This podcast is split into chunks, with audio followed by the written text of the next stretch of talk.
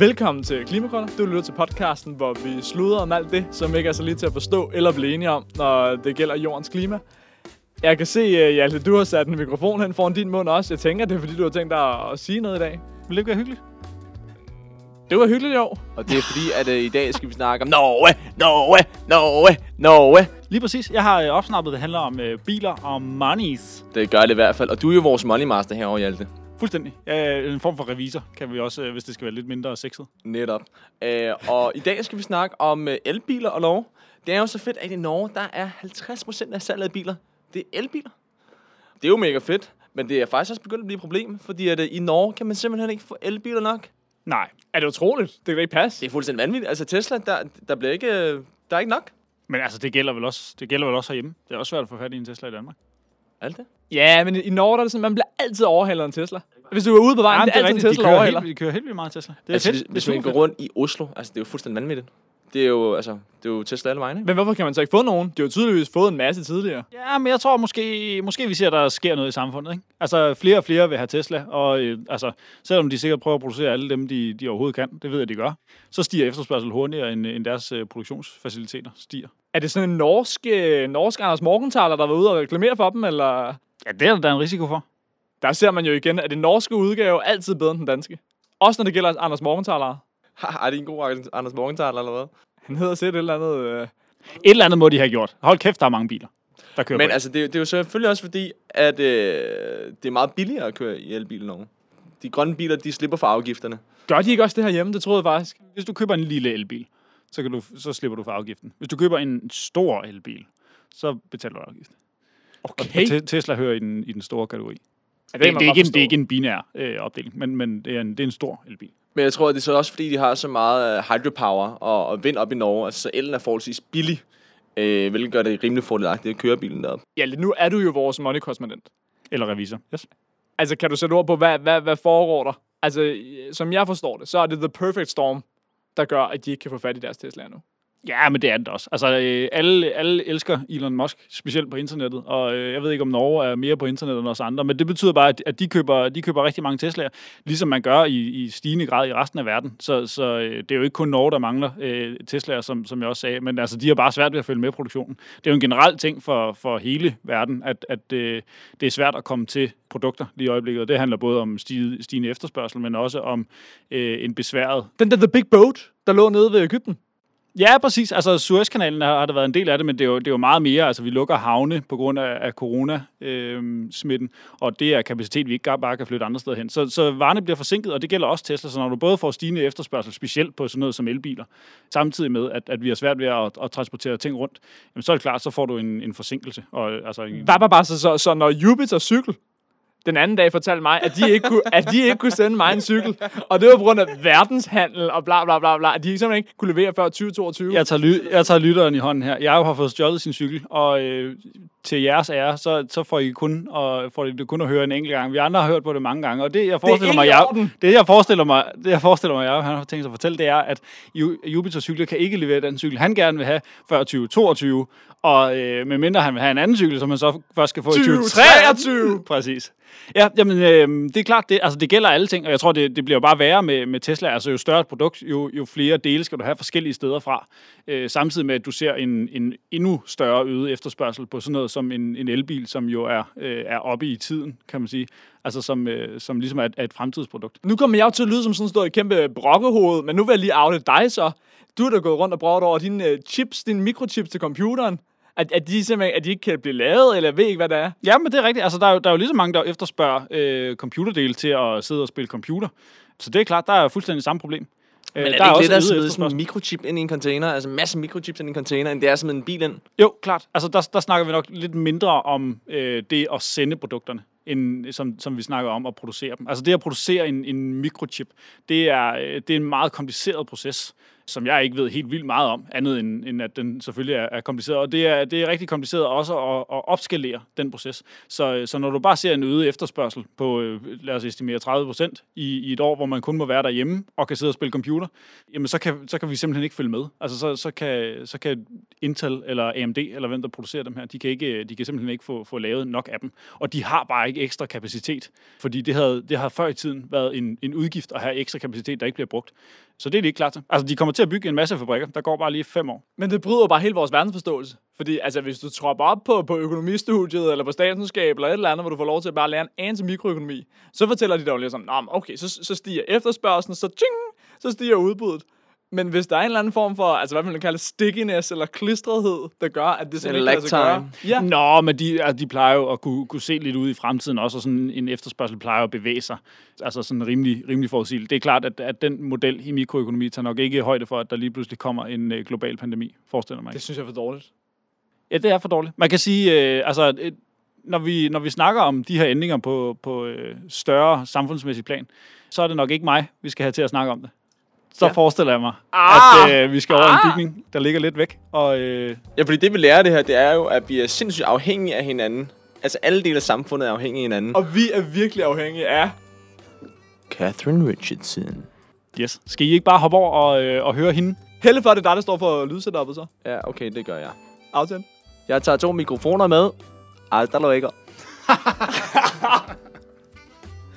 Tre, ikke?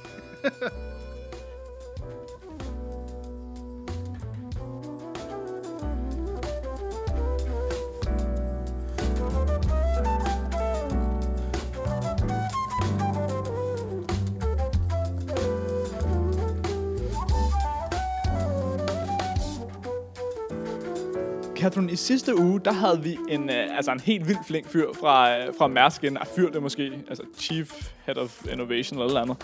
Han var i hvert fald mega cool, øh, og det var tydeligt, at han ligesom havde kæmpe vinger bagud i forhold til at transformere Mærsk og få, få dem fremad. Men selv der, der var det ret tydeligt, at der er ting, der er udfordrende, når man skal omstille så stor en virksomhed som dem. Han talte om, at de første omgang var nødt til at bruge første generations biodiesel, hvor man bruger hele afgrøden, så god mad, der kunne være gået til, til dyr eller mennesker, det brænder man af i stedet for. Det var simpelthen et nødvendigt step for at kunne komme videre. En, altså på samme måde var det i virkeligheden med, med virksomhedskulturen der, at han sagde, at det var stadig sådan, at når de sejlede rundt, jamen så ville de gerne sejle lidt længere for at kunne tanke i stedet, hvor det var lidt billigere. Også selvom de så bruger mere brændstof. Og det var fordi, at det er en virksomhedskultur, hvor de jo prøver at optimere på den økonomiske profit. Nu er vi lige, øh, altså Rasmus han har en nyhed med i dag, som handlede om, hvordan at i Norge, der kan de slet ikke nå at få alle de Tesla'er, folk gerne vil have. De vil gerne have masser af lækre elbiler, men Tesla-produktionen kan slet ikke nå at følge med, og vi kan slet ikke nå at få distribueret dem rundt om i verden. Så det vi tænkte, vi gerne vil tale med dig om, det er, hvordan man kan lykkes med en overordnet strukturel transformation af et helt samfund. Fordi altså for sådan nogle små gutter som mig og Rasmus i Alte, der virker det fuldstændig uoverskueligt. Ja, og, og det kan jeg godt forstå, og, og på mange måder er der, fordi altså alle de her forskellige virksomheder og aktiviteter, vi har i samfundet, de er altså forskellige steder i deres omstilling, kan man se. Og din ven altså på Mærsk, altså de har et kæmpe problem. Det har man inden for tung transport, om det er skibsfart, eller luftfart, eller, eller, eller lastbiler, fordi der er teknologien ikke nær så langt frem, som det er på mange andre områder. Så man ved faktisk ikke, hvad vinderen bliver. Altså, så de er sådan set lige ved at komme ud af startboksen. Og der er det vigtigste er, at de vil ud af startboksen. Og altså, at de arbejder også med deres kultur og, og adfærd, fordi vi er blevet enige om, at, øh, at øh, tidligere, tror jeg, når vi har snakket, at det er ikke nok at bare kigge på teknologi. Altså, man skal have teknologi og, og adfærd skal, skal gå hånd i hånd, fordi det er ikke teknologi alene, der kan gøre det her, det er hvordan vi bruger den teknologi. Og, og vi kan bruge vores økonomisk system og vores, vores governance-system til at prøve at få en god match mellem altså vores adfærd, prøve at ændre vores adfærd, hvis det er dyrere at gøre noget, som vi ikke har, som vi ikke ønsker at få gøre, for eksempel bruge fossile brændsler, så, så gør vi det, altså, så, så gør de det mindre.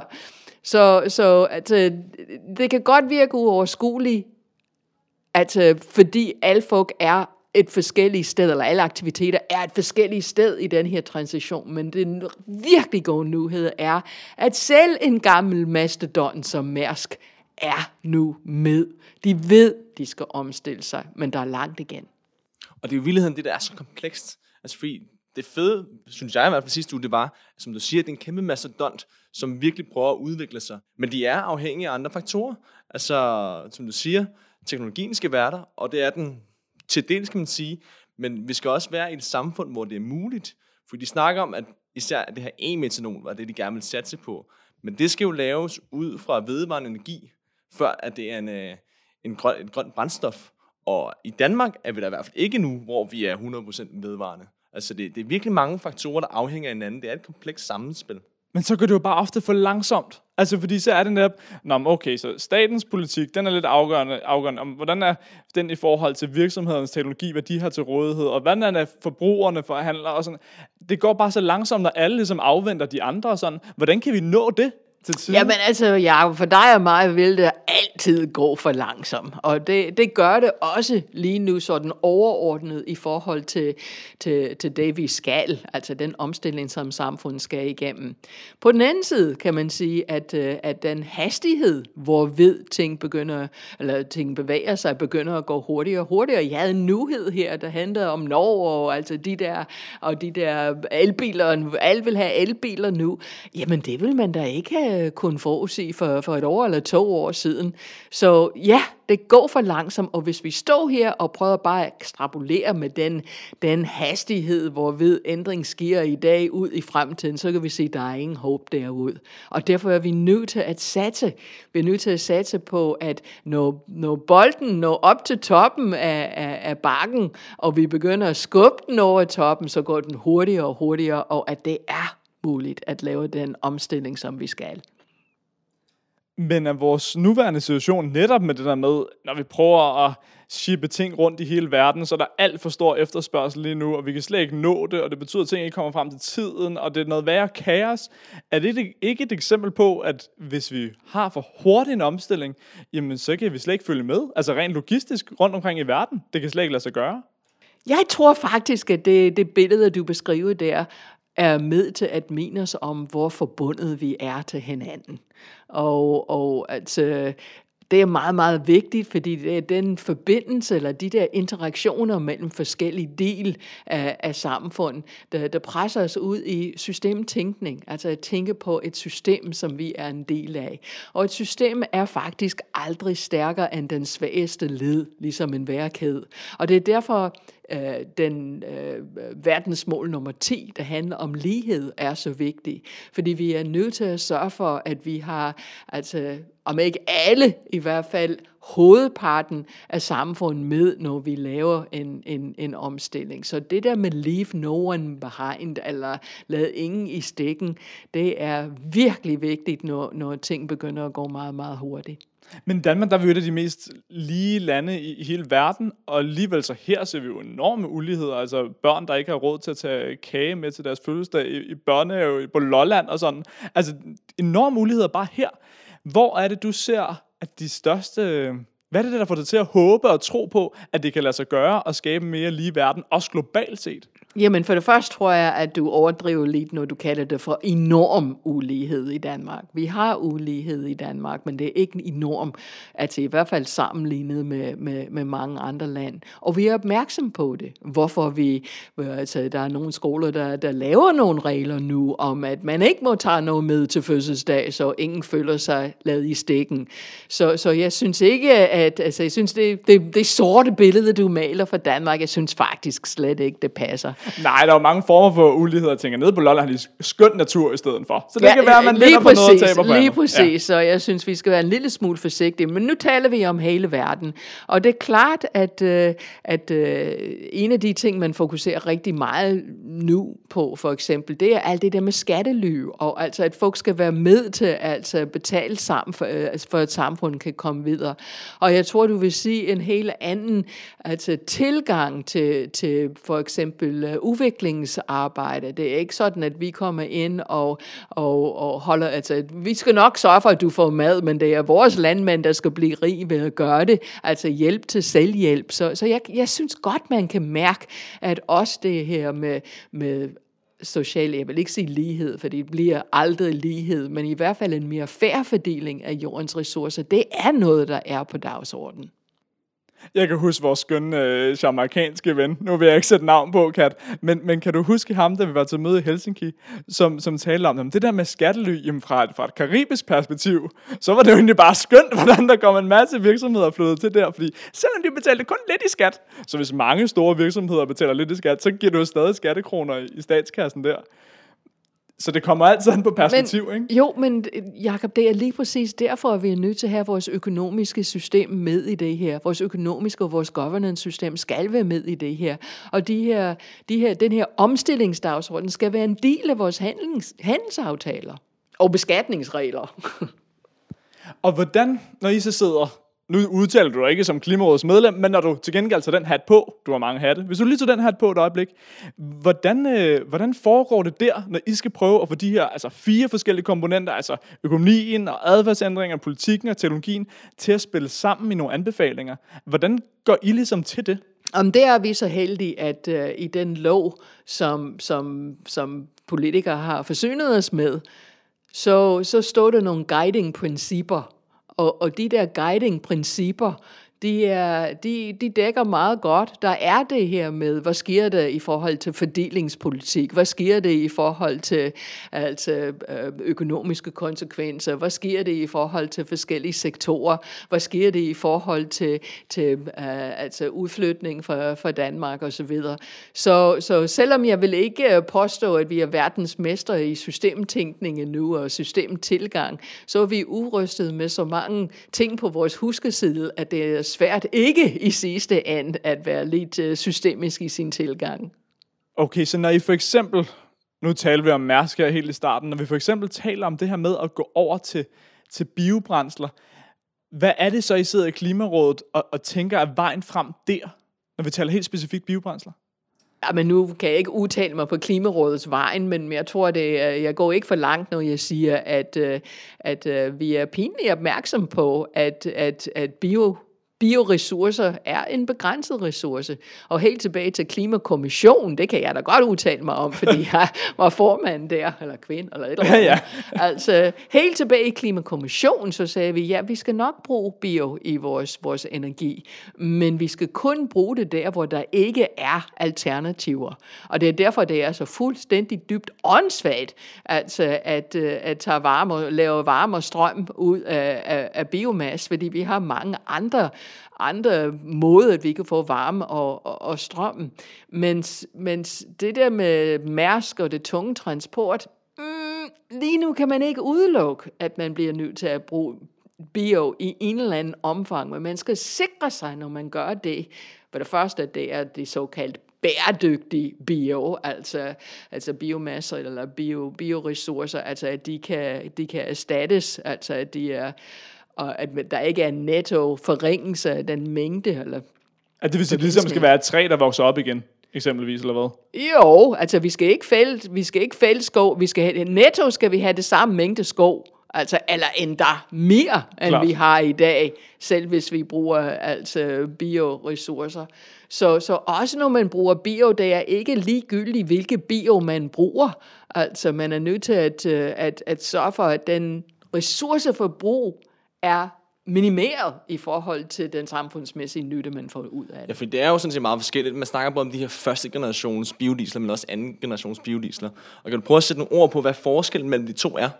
Jamen altså første generation, altså om det er biodiesel eller biofuels, er helt generelt. Første generation er der, hvor man bare tager hvad som helst. Det kan være noget majs, eller noget, som også kunne blive brugt som, som foder til, eller mad, madvarer til os, eller foder til dyr og, og, og bruger den, så den konkurrerer lige frem med, med, med fødevaresystem.